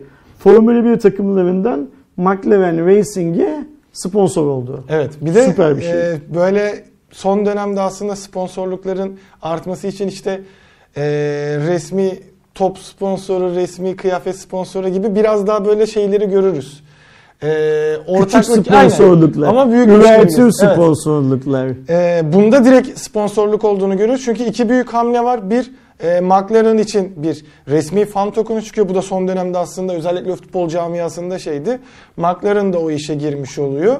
E, ve McLaren'ın 2021 e, yılındaki aracında ve aynı zamanda e, Norris ve Ricardo'nun kasklarında da e, Bitçi'nin logosunu ve şeyini göreceğiz. Şimdi Burada ciddi bir para verilmiş. Yakın ki. zamanda BTC Türk'ün Türkiye Futbol Ligi'ne, işte Vivo'nun e, li- Milli şey, takıma. milli takıma filan sponsorluklarını duyduk ya. Bunlar da güzel şeyler tabii ki. Ama şu bitçinin yaptığı bir Formula 1 takımına sponsor olma hikayesi büyük iş. Evet, McLaren'ın Ee, en eskilerinden biri. Bu e, bitçinin işlem hacmini sonuçta bu alım satım borsa dediğimiz yer sen alacaksın ben satacağım onlar da komisyondan parayı kazanacak olan insanlar. Bitçinin hacmini yükseltir mi? Bilmiyoruz. Ama Formula 1 gibi global bir etkinliğe sponsor oluyorsa bu adamın tek derdi Aydoğan'la Ersin gelsin benden kripto para alsın satsın değil. David de gelsin, Joseph de gelsin, Çin'deki bir şey de gelsin, Tokyo'daki o da gelsin filan gibi bir derdi var demektir. Büyük düşünüyor demektir her şeyden önce. E, kim becerdiyse yani kim bu işi işte bitçide kim yönettiyse eline sağlık. Evet. Güzel Yani iş Güzel yapmış. bir şey de yapmışlar. buna. Keşke biz Formula 1'i bu yıl Türkiye'de de görseydik ve e, McLaren düzlükten geçerken e, şeydeki tribündeki insanların bitçi logolarını kaldırdıklarını Hı, filan şey filan olabilirdi, evet. şey olsaydık e, şahitlik edebilseydik. Bunlar Formula 1'in güzellikleri zaten. Yani bitçi McLaren'e sponsor oldu diye McLaren daha hızlı gidecek, daha kötü yavaş gidecek, daha iyi bir sezon geçirecek, daha bir kötü sezon geçecek hikaye derdi değil bu. Bitçi de aynen Bitcoin alanların yaptığı gibi düşer mi çıkar mı göre kendi tahminince bir yatırım yapıyor. McLaren bu yıl iyi bir şey sezon geçirir diye. Ama benim burada söylemeye çalıştığım şey vizyon olarak güzel bir vizyon ve son bir iki ay mesela şimdi ben şeyi söyleyeyim. Ben Redmi Note'un Türkiye'de üretileceğinin dün duyurulacağını düşünüyordum Evet, bize ben- lansmanda. Ben de ihtimal olarak Ee, bekliyordum. O duyurulmadı. Sükutu hayal benim için, hayal kırıklığı. Ondan önce bunun bültenini aldık. Çok güzel bir şey. Evet. Çok güzel bir şey. Ha şunu diyebilirsiniz mesela. Ya bu paranın yokluğunda bitçi Türkiye'den para çıkartacak, McLaren'e para koyacak. Çünkü sonuçta McLaren bir Türk şirketi değil. İngiliz. Para dışarıya gidecek. Ama şunu da düşünmek lazım. Belki de Aydoğan'dan, Ersin'den, Ahmet'ten, Fatma'dan başka Hans, işte Susan, Gerard bilmem ne filan gelecek. Bitçide işlem yapacak. Onların komisyonları da Türkiye'ye girecek. Zaten e, şey olarak hani marka seçimi olarak bence çok mantıklı. Şimdi F1 şeyine baktığımızda e, en sadık diyebileceğimiz hani ya da e, fanatiklik iki yerde görüyoruz. Yani şu günümüz F1 standardında bir tifosiler dediğimiz Ferrari fanları Hı. her zaman ne olursa olsun ki Çok Ferrari normal. çok kötü bir sezon geçirmesine rağmen sevmeye Geçmişte de hep böyle olmuştur. Kötü de olsa olmuştur zaten. Ve eskiden gelen e, bir McLaren şeydi. Ben de mesela McLaren'ı e, seven, tercih eden şey diyeyim. En azından gönlüm McLaren e, tarafında. E, daha öncesinde Williams vardı ama hani artık Williams'ın son dönemdeki e, başarısızlıklarıyla hani o taraftarlar biraz Williams'ı bıraktı. Yani McLaren Mercedes Şey olarak yani gerçekten çok şeyde. geniş bir kitleye sahip olan bir markayı tercih etmiş McLaren. Formula 1'e girdiğinden beri Ferrari'nin rakibi. Evet. Birinci rakibi. O yüzden de en büyük iki takım diyelim. iki takımdan birisi. En eski. en eski Büyüklükleri biraz artık tartışılır ya, da. en çok fanı olan Evet. şey yani. O yüzden güzel iş bu. Bitçi güzel iş yapmış. Kesinlikle. Ee, hani bir alkış vereceksek burada Bitçi'yi alkışlamak lazım. Elini sıkıp tebrik edeceksek bu işi kim yaptıysa Bitçi'de onun elini sıkıp tebrik etmek lazım. Bu şey demek değil. Koşa koşa gidin bitçi.com'da hesap açtı ve orada da e, bitcoin alın satın falan demiyorum kimseye. Bitçi iyidir, kötüdür, uygundur, pahalıdır, ucuzdur, hızlıdır, yavaştır falan onları da bilmiyorum diyemem zaten. Ama fikren pazarlama fikri olarak güzel fikirdir. Evet. Yani Acun'u reklamda oynatmaktansa bunu yapmak benim açımdan daha şeydir, makbuldür. Her ne kadar son bir iki yıldır Formula 1 yarışı izlemesem de e, süper bir iş yapmışlar. Ellerine sağlık. Microsoft da Discord'u satın alabilirmiş. Evet son dönemlerin yani yeni nesil forumu diye, diye hitap edebileceğim e, Discord daha öncesinde e, Amazon'un vesaire de ilgisinde olurken şu anda Microsoft'un satın alma ihtimali Kötü bir fazlasıyla e, arttı. ben de evet onu biraz şey yapıyordum. Ya daha yeni açtık bu arada hani Ay. onu da bahsetmiş olalım açıklamalar bölümünde Bir yıl bulabilirsiniz. sonra Discord battı kapatıldı adamıyla. Cuma raporundayız değil mi? Ben de şey esprisi yapmıştım. Hatta aşağıda konuşmuştuk herhalde. Ee, Discord sunucumuzu açtıktan sonra Microsoft burası değerlenir deyip şey Hmm. yapmış, yatırım yapmış da olabilir. Açıklamalar bölümünde görebilirsiniz arkadaşlar. Ee, kendi Discord sunucumuzda artık açık. Orada e, hem sohbetler hem e, birçok işte kanalımız da var. Oradaki kanallardan hem soru sorma, e, kendi aranızda konuşma ve e, sesli sohbet muhabbetlerimizde olacak. O gelişmeleri de e, aktarmaya devam ederiz. Bizim Murat'ın, Murat soyadı neydi Murat'ın? Murat Burç galiba. Ee, katıl üyelerimizden Murat. Onun da bir YouTube kanalı var biliyorsundur diye tahmin ediyorum. Hı hı. Ee, bizim kanalımızla ilgili yani şeyle ilgili YouTube kanalımızla ilgili değil tabii bu yeni açtığımız Discord. Discord, kanalımızla ilgili sunucusu. bazı fikirleri var. Dün akşam bana söyledi.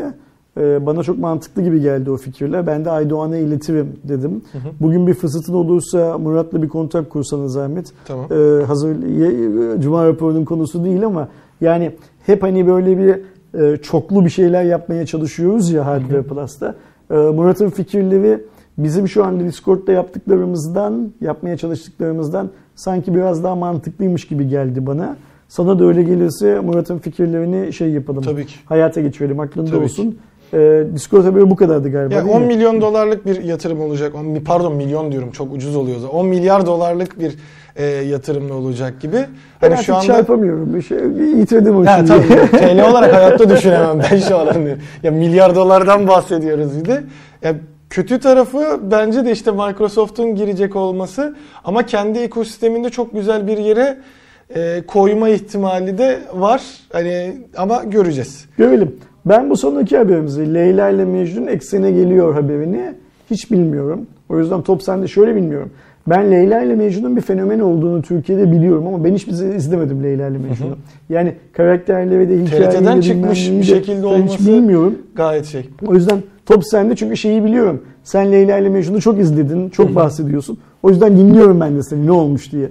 Yani buradaki güzel tarafı zaten e, daha öncesinde Sihirli Annem'in tekrar yapıldığını görmüştük. Orada tabii yeni kadroyla yani 2021 hatta 2020 versiyon olmuştu ve çok da eleştirildi çünkü hani Acun da kendisi açık açık söylemişti bunu. E, kızının isteği üzerine Acun böyle şey yapıldı. yapıyor. Eski eşi için kafe alıyor. Yani onu, Aynen. onu kafeye sokmamışlar zamanında. Gittiği kafeye satın aldı. Çocuk bunu istemiş. Abi gönlü zengin adamın diyelim. Buradaki güzel taraflardan biri eski kadroyla yani orijinal Leyla ile Mecnun'un tekrar çekimini e, göreceğimiz olması. Yine Ali Atay'ı vesaire burada tabii ki göreceğiz. E, şu anda aslında resmi de bir açıklama yok. Büyük bir söylenti olarak e, şey yapılıyor ve yalanlanmadı da. Hani e, şeyi de düşündüğümüzde bu kadar zaten Söylentinin bir kaynağı var mı? Mesela kimden çıktığı belli mi? ilk çıkış yerini de mesela şu anda bilmiyorum. Tamamen şehir efsanesi ya da senin gibi Leyla ile Mecnun'u sevenlerin olmasını istedikleri bir şey de olabilir yani bu. İhtimali tabii Okey, ki var tamam. ama şeyi de biliyoruz hani e, Eksen'in bu tarz konularda ya da hani Acun'un ucuz şeylere de gittiğini görmediğimiz için şimdiye kadar olsaydı böyle bir şey yok diye açıklama Hı. gelirdi diye de Anladım. tahmin ediyorum. Geliyor mu normalde böyle şeyler? Evet genellikle Ha, hani tamam. Acun kendince böyle çok şey e, ortaya atılan bir şey olduğunda yalanlama konusunda en azından Anladım. şeyi görüyorduk. Çünkü eksen için çok şey denildi. Birçok şey geliyor falan filan diye. E, ama resmi oyuncu kadrosu ve şeyin önümüzdeki günlerde açıklanması bekleniyor. Hem çok sevindim hem çok üzüldüm. E, sevindiğim nokta tabii ki Leyla ile Mecnun'u tekrar yeniden görmek ve e, yani TRT'den bu kadar iyi bir dizi çıkarken hani ben de ona çok şaşırıyordum hani bu işin TRT'de olması zaten televizyonda olması ayrı bir güzeldi bir de işin TRT'de olması ayrı güzeldi. Şimdi dijital platformda nasıl bir şekilde çıkacağı merak konusu. Üzüldüğüm nokta da ya o tat kaçar mı? Her zaman yeni bir şey yapılacağında mesela Yüzüklerin Efendisi filmi için de aynısını diyorum. Merakla bekliyorum şu yaz gelse de izlesek diye. Ee, ama nasıl mesela kitabı sevenlerin filmi de çok seviyor olsa da aynı tadı alamama durumundan bu sefer dizide ne olacağını bilemiyoruz. Çünkü kadro değişiyor, isimlerin oturması. Hadi Leyla ile Mecnun'daki güzellik aynı kadro devam edecek ama sen zaten noktaladın. Orada bir e, işte tuzluk muhabbetiyle falan bir hayal dünyası olması konusuyla diziyi noktaladın. Devamı değil yeniden çekimi mi olacak? Nasıl şey yapacaklar? Şimdi ben Merak eksen ediyorum. abonesi değilim. Leyla ile Mecnun'da dediğim gibi bilmediğim için benim için çok fazla bir şey ifade etmiyor zaten. Ama hani projeler başlar, tutarsa devam eder. Tutmazsa eskiye ihanet midir değil midir onu zaten E tabii ikisinin şey de ayrı tadı olacak da. Ee, seyirci karar Hiçbir zaman ama zaten. şeyi görmedim ben. En azından e, tutmuş bir işin özellikle bu kadar büyük ara verildikten sonra hani dünya genelinde çok farklı örnekleri de var bunun. Tekrar denendiğinde e, yemediğini çok gördük. Ya da zorlama sipariş üzerine olduğunda mesela en yakın örneklerinden biri direkt aklıma gelen e, Sense8'e zorunlu final yaptırttık kaldı diye. E, güzel İzledik bir mi? final oldu ama güzel de şey de İzledik değil. mi izledik. İzledik. Keyif aldık mı keyif aldık. Olması şart mıydı? Olması şart değildi. Kafamızdaki soruların herhangi birisine cevap bulduk mu? Hayır, Hayır. bulmadık. Prison Break sonradan sezonu çekildi aynı kadroyla. Aynı tadı vermiyor.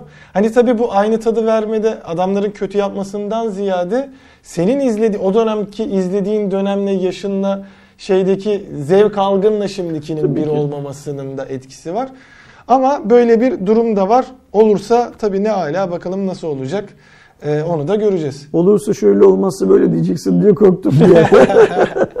Yok hani olmasına seviniyorum. Ama nasıl olacağını da merakla bekliyorum. Tamamdır. Bir zaten resmi açıklama da Şimdi gelsin.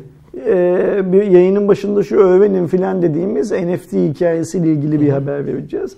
Ben NFT konusunda çok bilgili değilim. Ben Öğren, hiç değilim öğrenmeye neredeyse. çalışıyorum, öğrenemiyorum. Aklım zekam almıyor. Demek ki belli bir yaştan sonra insan yeniliklere kapanıyor. Fakat buradaki konu şu. Twitter'ın CEO'su Jack Dorsey bence sembolik bir şekilde bir şey yaptı. Yani NFT sistemine destek olmak için bir şey yaptı. E, dünyanın ilk tweetini e, paylaşmasından 15 yıl sonra mesaj olarak e, NFT'ye çevirdi bu mesajını anladığım kadarıyla ve bunu NFT olarak birilerinin satın alması için kapıyı açtı. Yani NFT'de zaten şöyle bir şey var anladığım kadarıyla.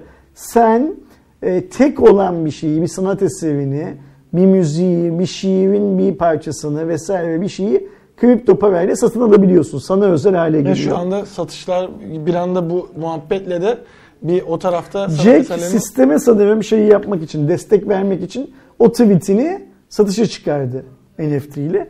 Ve e, bir başka blockchain e, şirketi olan Bridge Oracle'ın CEO'su Sina Estavi herhalde Hintli filandır diye tahmin E, ediyorum. galiba bunda da bir Türk olayları varmış. Öyle Bununla mi? alakalı da şeyler bayağı 2.9 milyon dolar verdi. Jack de bu parayı şey yaptı, ne derler, kabul etti ve o tweet'in e, NFT olarak o tweet'i Sina kardeşimiz satın almış oldu. E, Ama Jack dijital bir şeylik var tabii burada. sahiplik var, Aynen. aynen öyle. Yani Sembolik. böyle duvara asacağın bir Picasso bilmem ne filan gibi bir şey değil tabii ki. Burada önemli olan şey şu. Jack biliyorsun Türkiye Türkiye halkı tarafından çok sevilen bir insan değil. Çünkü bize öğretilen şeylere göre Jack bir numaralı Türkiye düşmanlarından bir tanesi. Evet, yani bir- ben öyle anlıyorum. Ee, Türkiye'deki kamuoyunda yapılan bir temsilci falan da atamıyor lavuk zaten. Yani hani Galiba ata- şu an At- atacağını atacağım, söylemiş. atacağım yani. Gönül. Gö- Gönül eğlendi ha falan diye. Bir de zaten yani hani Türkiye aleyhine falan bir yeni şeyin yazılmasına çizilmesine de izin verdiği söyleniyor. Ben hep ok- ok- okuduklarıma inanıyorum. O yüzden bir şey vizyonsuz bir herif bu yani. Yani e, bakmayın bir tane tweetinin 2.9 milyon dolara şey yapılıyor olması. Sina aslen Türkmüş. Türk müymüş? Okey tamam. Belki bu, bu kadar paraya da hemen ilk tweetini satmış oldu. Bu, e, Yani böyle 2.9 milyon dolarlık bir tweetinin 2.9 milyon dolar ettiğine bakmayın yani adamın. Aslında şuursuz bir herif biz Türklerin gözünden. Ve büyük bir ihtimalle e, Türkiye'de de o temsilciye atadıktan sonra kulağa çekilecekler listesinde e, ilk sırada duruyordu şey olarak. E, NFT diye bir şey var. Sina diye bir kardeşimiz Jack'in ne kadar şey olduğuna, Türkiye için tehlikeli bir e, adam olduğuna aldı ve işitmeden götürmüş 50 bitcoin olarak şey yapmış. Bu parayı ödemiş, Jack de bunu almış. pay- bağışlamış Jack pandemi de için. onu pandemi için e, Directly. Africa Responsible Fund adı altında bir hayır kurumuna şey yapmış, bağışlamış. Eline sağlık, güzel yapmış. E, benim hiç bildiğim kadarıyla NFT'm yok. Yani NFT'nin ne olduğunu o kadar habersizim ki sahip olsam bile Farkında farkında değilim şey anlamında. Ama lütfen e, izleyicilerimiz benim gibi bu konuda cahil olmasınlar. Bir şeyleri öğrensinler hatta bize de öğretsinler neyin ne olduğunu. Yani tek söylemeye çalıştığım şey şu değil arkadaşlar. Birileri NFT alıyor, NFT satıyor, para kazanıyor filan filan değil. Her şey değişiyor hayatta. Bakın 2.9 milyon dolar bir tweet için e, bundan bir yıl önce kahvede konuşsak dayak yiyeceğiniz bir olay. Kahvedeki abiler döverler seni. Evet. O şeyle, okeyin e, tahtasıyla Istakasıyla. kafana vura vura öldürürler. Siktir lan 2 milyon, do- do- 2.9 milyon dolar eder mi bir şey diye. Nerede bile yazıldığı belli olmuyor bir hikaye diye. Yani niye Picasso dedim? Dünyada Picasso'nun yaptığı da sanat. Ee, şiirler, şarkılar, müzikler, baleler, tiyatrolar bunların hepsi sanat tabii ki. Bunlarda bile yani elle tutulup gözle görülmeyen ama buna rağmen değeri olan şeylerde bile dijitalleşme başlıyor. Ee, Ersin gibi eğer anlamazsanız NFT'nin ne olduğunu o dijitalleşme sürecini kaçırırsınız. Elon Musk NFT yazmadan şey yapmak lazım. Aynen öyle. Ee, ki yazdı galiba o Yazdı mı? çoktan. Aa, kaçırdık o zaman. Ee, Geçti. Öğrenin. Zaman ayırın öğrenin. Yani okuldaki uzaktan eğitimde kamerayı kapatıyorsan bari arkada başka bir şeyle ilgilen de en azından bir şey öğren. NFT'nin ne olduğunu öğren. O kadar çok öğren ki e, belki baban yaşında olan Ersin gibi adamların karşısına dikil. NFT'nin ne olduğunu anlat bari. Sadece kendi dibini aydınlatma. Etrafındaki kısıtlı bir halkaya bile olsa bilgi Gücünün paylaş. yettiği kadar. Ee, ben öğrenmeye çalıştım, öğrenemedim. D- çok net söylüyorum. Demek ki kafam almadı. Yani bu yaştan sonra kafamın bence bazı şeyleri alma, bazı şeyleri almama hakkı var. Almadı. Ee, öğrenmeye çalışmaya devam edeceğim. Çok iyi öğrenen birisi varsa hepimize öğretsin. Gelsin buraya. Çok ciddi söylüyorum bunu. Sizin görüşünüze geliyor gibi kontak kursun benimle gelsin. NFT nedir, ne değildir, ne olacak, ne olmayacak filan filan gibi konularında birlikte bir tane video çekelim.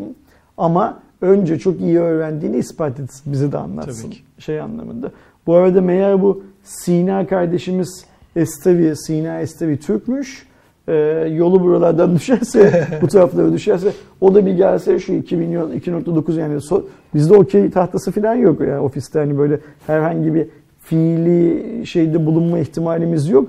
Ama bir bize anlatsın o da kısmet Ya olursa. da şeydeyken 2.9 hani milyon dolara e, şu anda neye verdi? popüler biri olmuşken de Elon Musk'a da bir söylesin bari Elon Musk'ta bir seferlik bir Türk lirası falan yazarsa Onu, belki işimize onu yarar. Sina mı söyleyecek başkaları mı Sina söyleyecek? söylesin Sina mı söylesin? şimdi. En azından Niye? bize Elon Musk'la da, Elon Musk'la daha sık görüşenler var. Ya var da ya öyle bir şey rica ederler mi bilmiyorum. Hayır. Parayı verdikten sonra Elon'a Elon yazar ya. TL de yazar. Başka bir şey yazmak istiyorsa, o yazdırmak istiyorsa onu da yazdırırsın yani. E. Elon sonuçta paranın çocuğu. Hani e, şey değil. Bizde de dağıtılacak çok para var. Elon'a bile veriyoruz. Arkadaşlar bu cuma raporu ki 147.ymiş bu cuma raporu. Böylece sona erdi. Yayına başlarken çok haberimiz yok filan dedik ama epey bir gevezelik yaptık. Evet yine. Hakkınızı helal edin. Çok zamanınızı yedik. Hakkınızı helal edin. 148. Cuma raporunda buluşuncaya kadar kendinize iyi bakın. Hoşçakalın. Hoşçakalın.